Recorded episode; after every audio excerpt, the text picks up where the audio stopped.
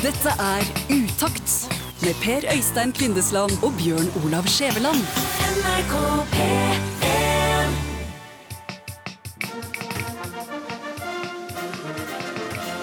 Lyden av rytmeboks er lyden av utakt, og det på sjølveste nasjonaldagen. Gratulerer med dagen, alle sammen, og velkommen til program. Du kan jo ikke begynne sånn. Altså, Når du skal ha en tale og en kunngjøring på 17. mai, så må du ha så dårlig lyd at det nesten ikke går an å høre. Du skal ha ekko på høyttalerne. Du skal ha feedback på mikrofonen. Det skal være så dårlig at det er bare den første rekka som hører hva du sier, og det er fordi de ikke hører høyttalerne.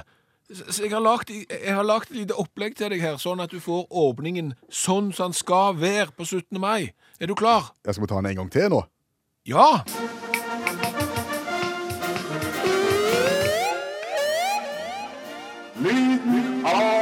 Av rytmeboks er lyden av utakt.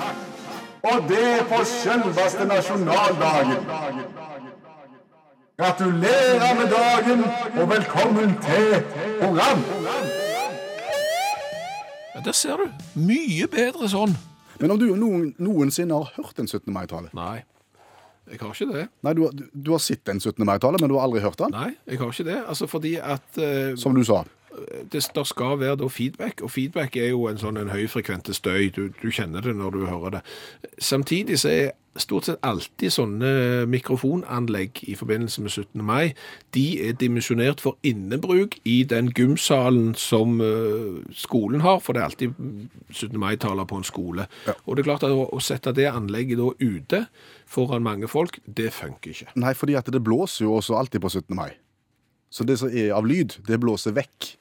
Så det er faktisk ingen som har hørt en 17. mai-tale, men det er mange som har sett den. Ja, du har hørt løsrevne ord, Ja, har du hørt, Ja. men, men ikke så veldig mye av den, nei. jeg vet at til slutt, når du hører at korpset begynner med Ja, vi elsker, Jo, jo, men så skal de jo synge Ja, vi elsker, og da har de fått så vidt slutt etter første verset, for det er alltid så skal de spille tre, og folk kan det første, så det er noen som kan det andre, og ingen nesten kan det tredje, så da blir det fryktelig stilt.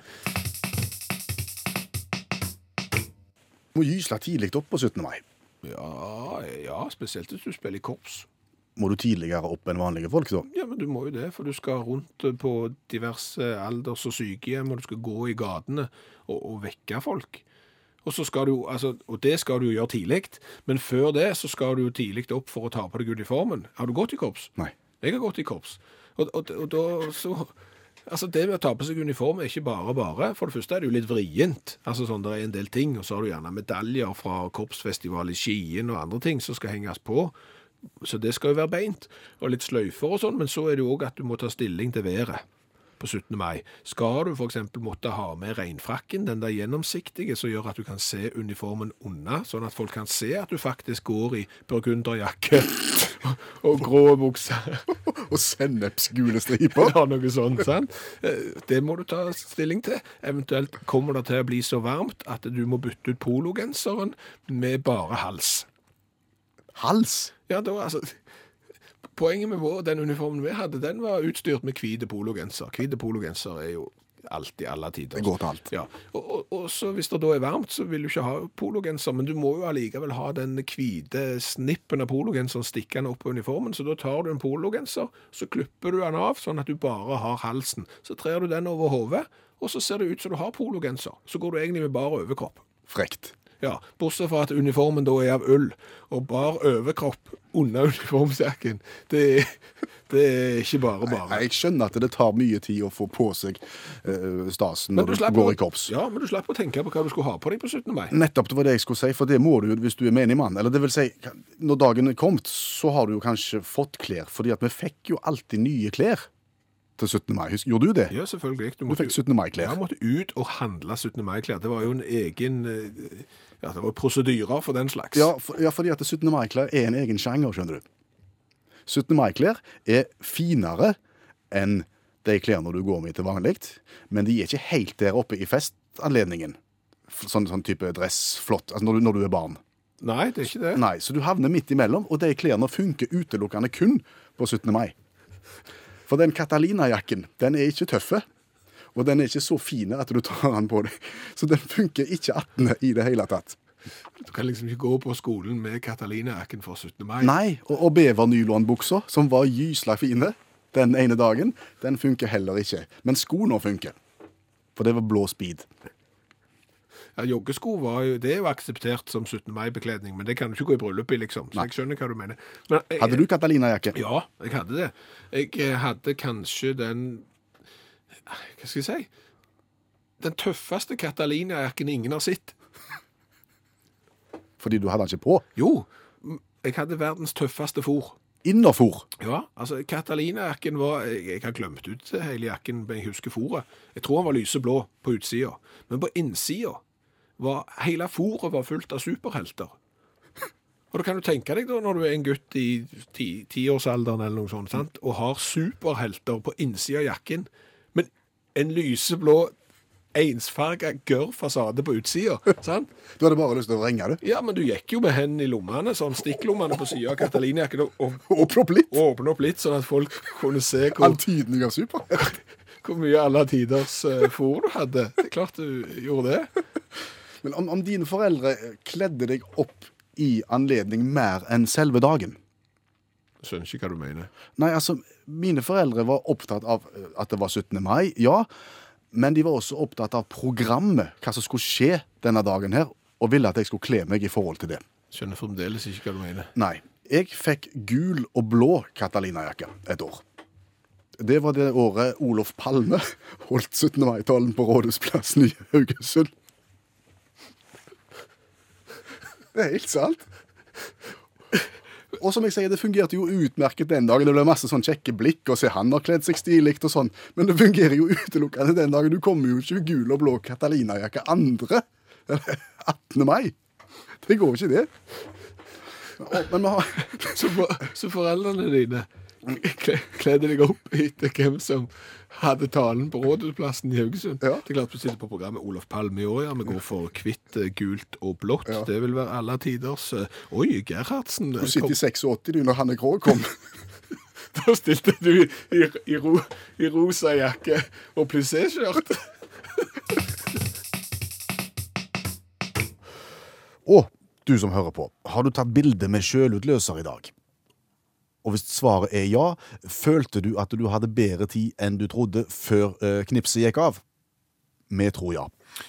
Ja, eh, for de fleste fotoapparatene tar gjerne ti sekunder fra du trykker på knappen til bildet blir tatt. Og ti sekunder er utrolig lenge. Og det er det ikke alltid en far eller en onkel vet. Nei, eh, og så trykker de på knappen, og så springer de fram for å sette seg der de skal, blir andpustne og øser opp hele forsamlingen, og så sitter du og venter. Det skjer jo ingenting, onkel, det skjer jo ingenting, hva er det så galt?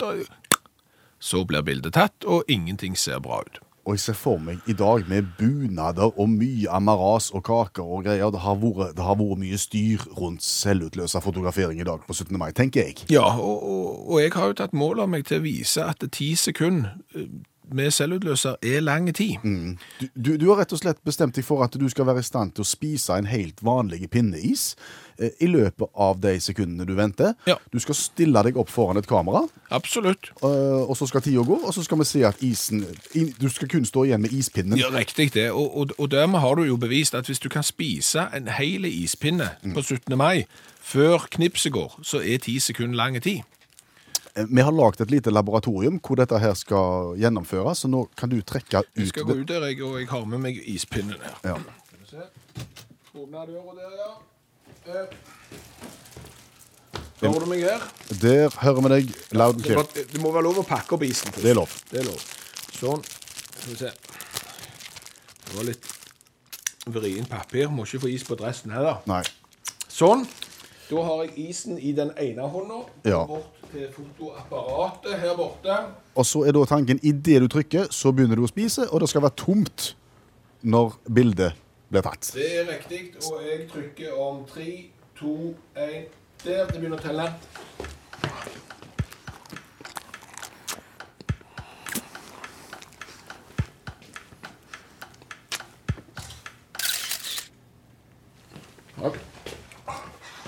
Ja, nå, nå må du ta bedre bilde. Vi hørte jo at det ble tatt. Ja, jeg fikk, jeg fikk smelt, smelt alt. Oh. Oh. Har du alt inni munnen ennå? Kan de få se bildet? Og gysla her. Kan du se bildet? Kan du beskrive hva du ser? Ok, og det vi ser her, og der ser vi en mann som står med en ja, en tomme ispinne i munnen. Du har ikke rukket å få ispinnen ut av munnen, men jeg ser at det er ikke mer is igjen på han. Nei, det, og, og der ser du. Det, det, det lar seg gjøre. Ja. Å spise en ispinne av 17. mai-størrelse eh, på, på 10 sekunder. Mens du venter på at selvutløseren skal gå av. Så så god tid har du altså. Og ganske imponerende. Det må jeg si. Du spiste en uh, pinup, sjokoladeis, ufattelig fort Ja. i forbindelse med et eksperiment. Hvordan er kroppen? Eh, Bedre nå. Ber, han, han har vært verre. Ja, men altså, akkurat idet du står med en hel is i munnen, som du har spist på mindre enn ti sekunder, så er det utrolig kaldt i munnen. Mhm. Og så dette isen ned i magen. Og, og så får du vondt i hodet. Ja, det, det, er spesielt. Det er ganske snedig at du har noe kaldt i magen, og, og så gjør det vondt i hodet. Jeg tipper at det er ganske mange som har opplevd det på 17. mai. Det, det tipper jeg. altså Sønnen min, for eksempel. Jeg spurte han hvor mange is skal du spise på 17. mai. 2000 var svaret. Men han pleier å spise fort, eller? Ja, det ligger i slekta, det. Ja. Så, så det er klart at unger har spist is i dag og fått vondt i hodet, vær du sikker. Det er et snodig fenomen som vi har snakket med en doktor om. Hvorfor det er sånn, Ivar Halvorsen. Det må være en refleks. Det vil si at når det kalde kommer ned i magen, så får du en reaksjon i pannen. Eh, Det kan ha med blodkar å gjøre, eller det kan ha med smånerver å gjøre. Det har vel gjerne ikke brukt milliarder på akkurat denne forskningen. Nei, og det er derfor jeg blir litt upresis i svarene. For jeg vet ikke om noen har det egentlige svaret her. Men reflekser, det eh, kan du få i muskulatur, og du kan få det i nervesystemet. Sånn at enten er det musklene dine, eller så er det nervetråden i pannen, eller så er det blodkaren i pannen. Det spiller ikke stor rolle. Er det eksempler på, på tilsvarende ting i, med kroppen? At uh, du slår deg én plass, eller får vondt én plass, og kjenner smerten en annen? Et av de mest vanlige, velkjente tingene, det er at hvis du får gallestein, som er øverst i magen, så kan en få vondt i høyre skulder. Ja, det kjennes jo helt naturlig ut. Det er bare sånn. Og det er høyre skulder og ikke venstre skulder. Og det er jo en tilsvarende ting. Altså magen og pannen og gallen og skulderen. Så fra på en måte når vi ble skapt, en eller annen mekanisme som skal fortelle oss at noe er galt. Men, men hvorfor tror du det har med, med kald is å gjøre, og f.eks. ikke være med pølse? Vi har jo eh, sensorer for sånt. Sånn at det er jo sensoren i magen som melder fra da, at dette var kaldt. Og hvorfor vi har den, det vet jeg ikke, fordi det er jo vanligvis ikke noe farlig. Men eh, de som eh, holder på med evolusjonsbiologi, de tenker vel at i steinalderen så var kanskje dette viktig. Da skulle du være litt forsiktig med softisen. Ja. Jeg tipper det er mange som er inne en liten tur nå og varmer seg litt, som har hatt det ganske kaldt i dag. Ja, det er det helt sikkert, og og da samles du gjerne rundt en eh, varm wiener eh, med sprøstekt løk og ketsjup og sennep, og så diskuterer du flagget. Ja, det òg. Ja, men det, det, De siste 17. maiene jeg har vært på, så har flagget vært oppe til diskusjon hver eneste gang. Og Bakgrunnen for det er at det kommer mange 17. mai-tog med, med, med flagg som, som er rød, hvite og lyseblå.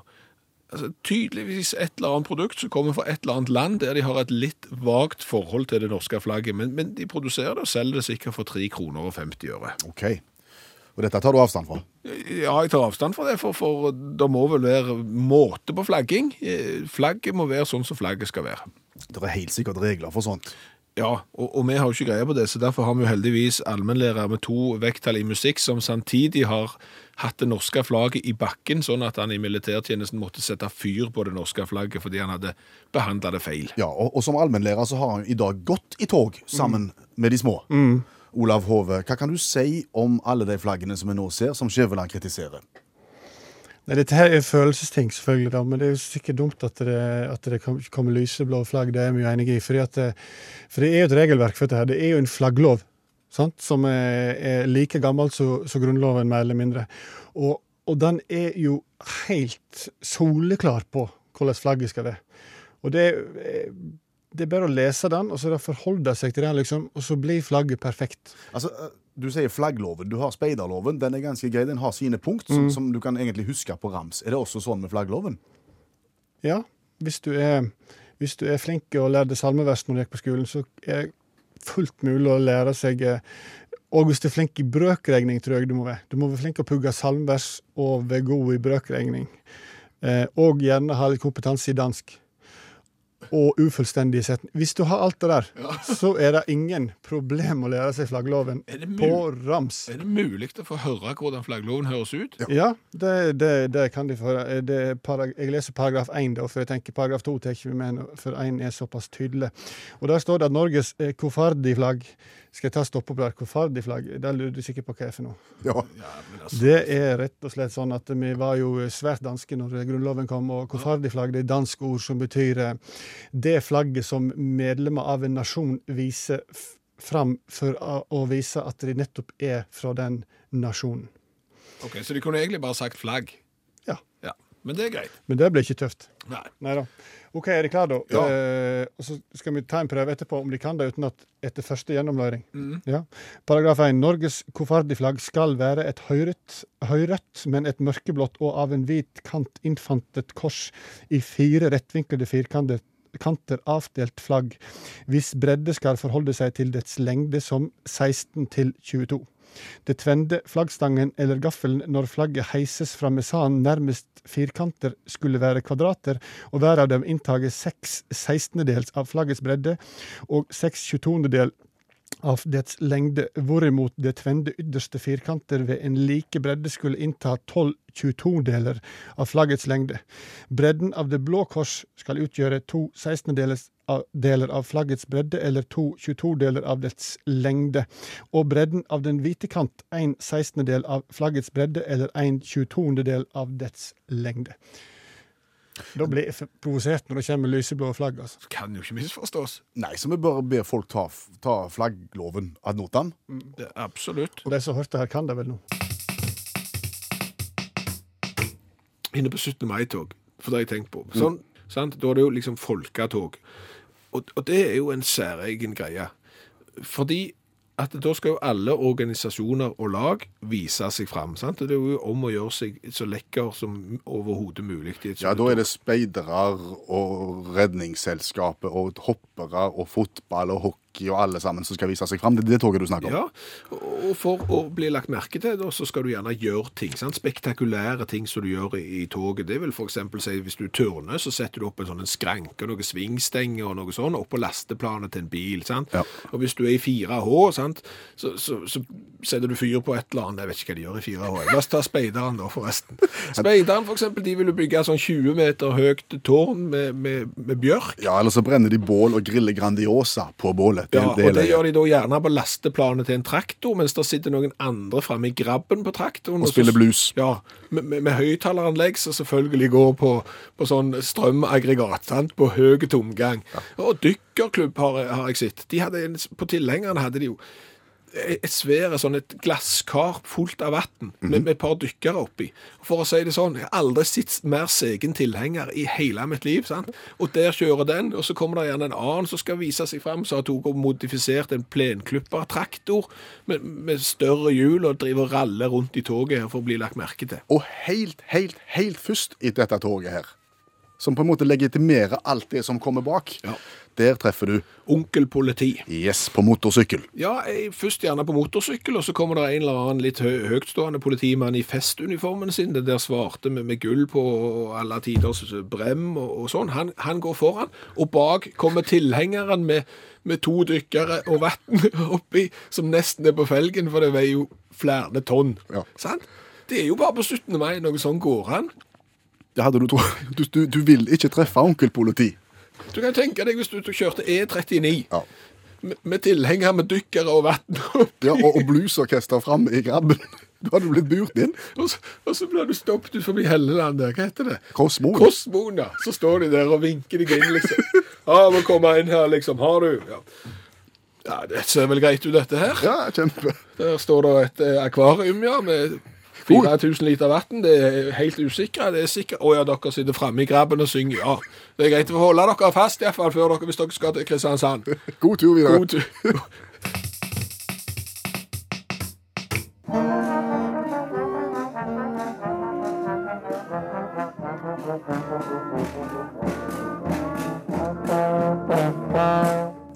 17. mai uten korps. Eller? Nei, og det har jo vært en rivende utvikling når det gjelder korpsmusikk. For det er klart, når jeg gikk og spilte playback i, i, eh, i musikkorps i min tid, så spilte du jo da marsjer. Etter å ha hørt 17. mai-tog i, i dag og, og 17. mai-tog i fjor og året for der, så er jo populærmusikken på vei inn i korpset. Du, du spiller Final Countdown og, Og Månemannen. og Månemannen. Det er en del eh, artige eksempler på, på korpsifisering av, eh, av en del slagere. Ja. Og, og det er vel kanskje her janitsjaren kommer inn i bildet? Ja, du må ha en treblåser, du er nødt til å ha en klarinett hvis du skal ta og virkelig radbrikke, for eksempel Månemannen. Hva er forskjellen på skolekorps og janitsjar? Det er ikke forskjell på det. Noen skolekorps er janitsjar, det vil si at de har en eller annen som spiller noe treblåserinstrument, og så har du bras, som da bare er messinggreier. Altså bare trompeter og, og, og den slags. Har du greier på dette? Jeg har bitte litt greie på det. Som sagt så har jeg jo da spilt treblåserinstrumentet fløyte, som er lagd av metall. Ok. Men jeg, tenker, janitsjar det er et skøye ord. Ja, Hvor kommer det fra? Det kommer sikkert fra Har ikke peiling. Lavtysk, vil jeg tro. Ja. Men, nei, ok, men la oss nå spørre, da. Allmennlærer med to vekttall i musikk, Olav Hove.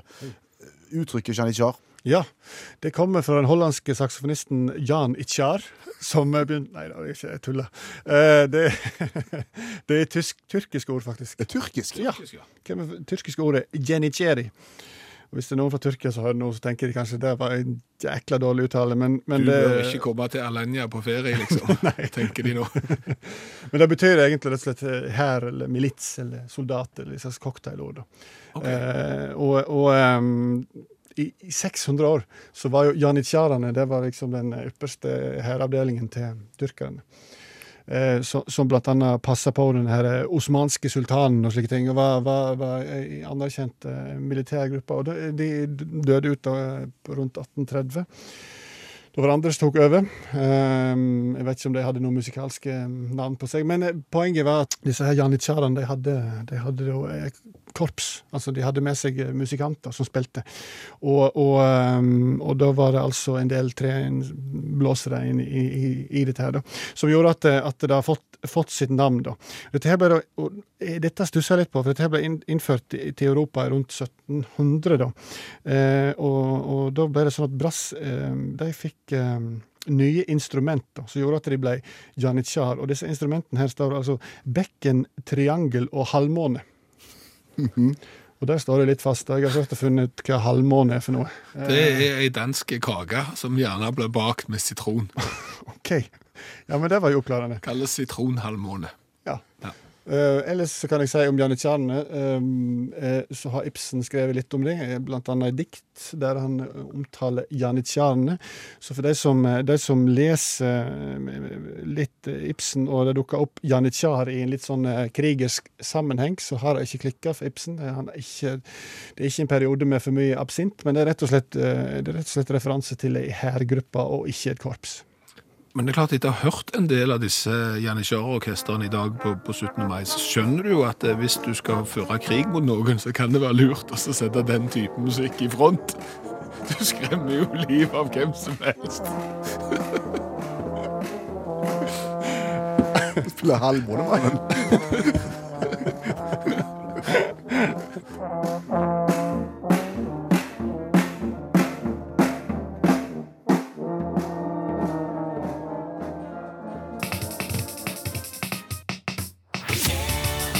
Dette er Utakt med Per Øystein Kvindesland og Bjørn Olav Skjæveland.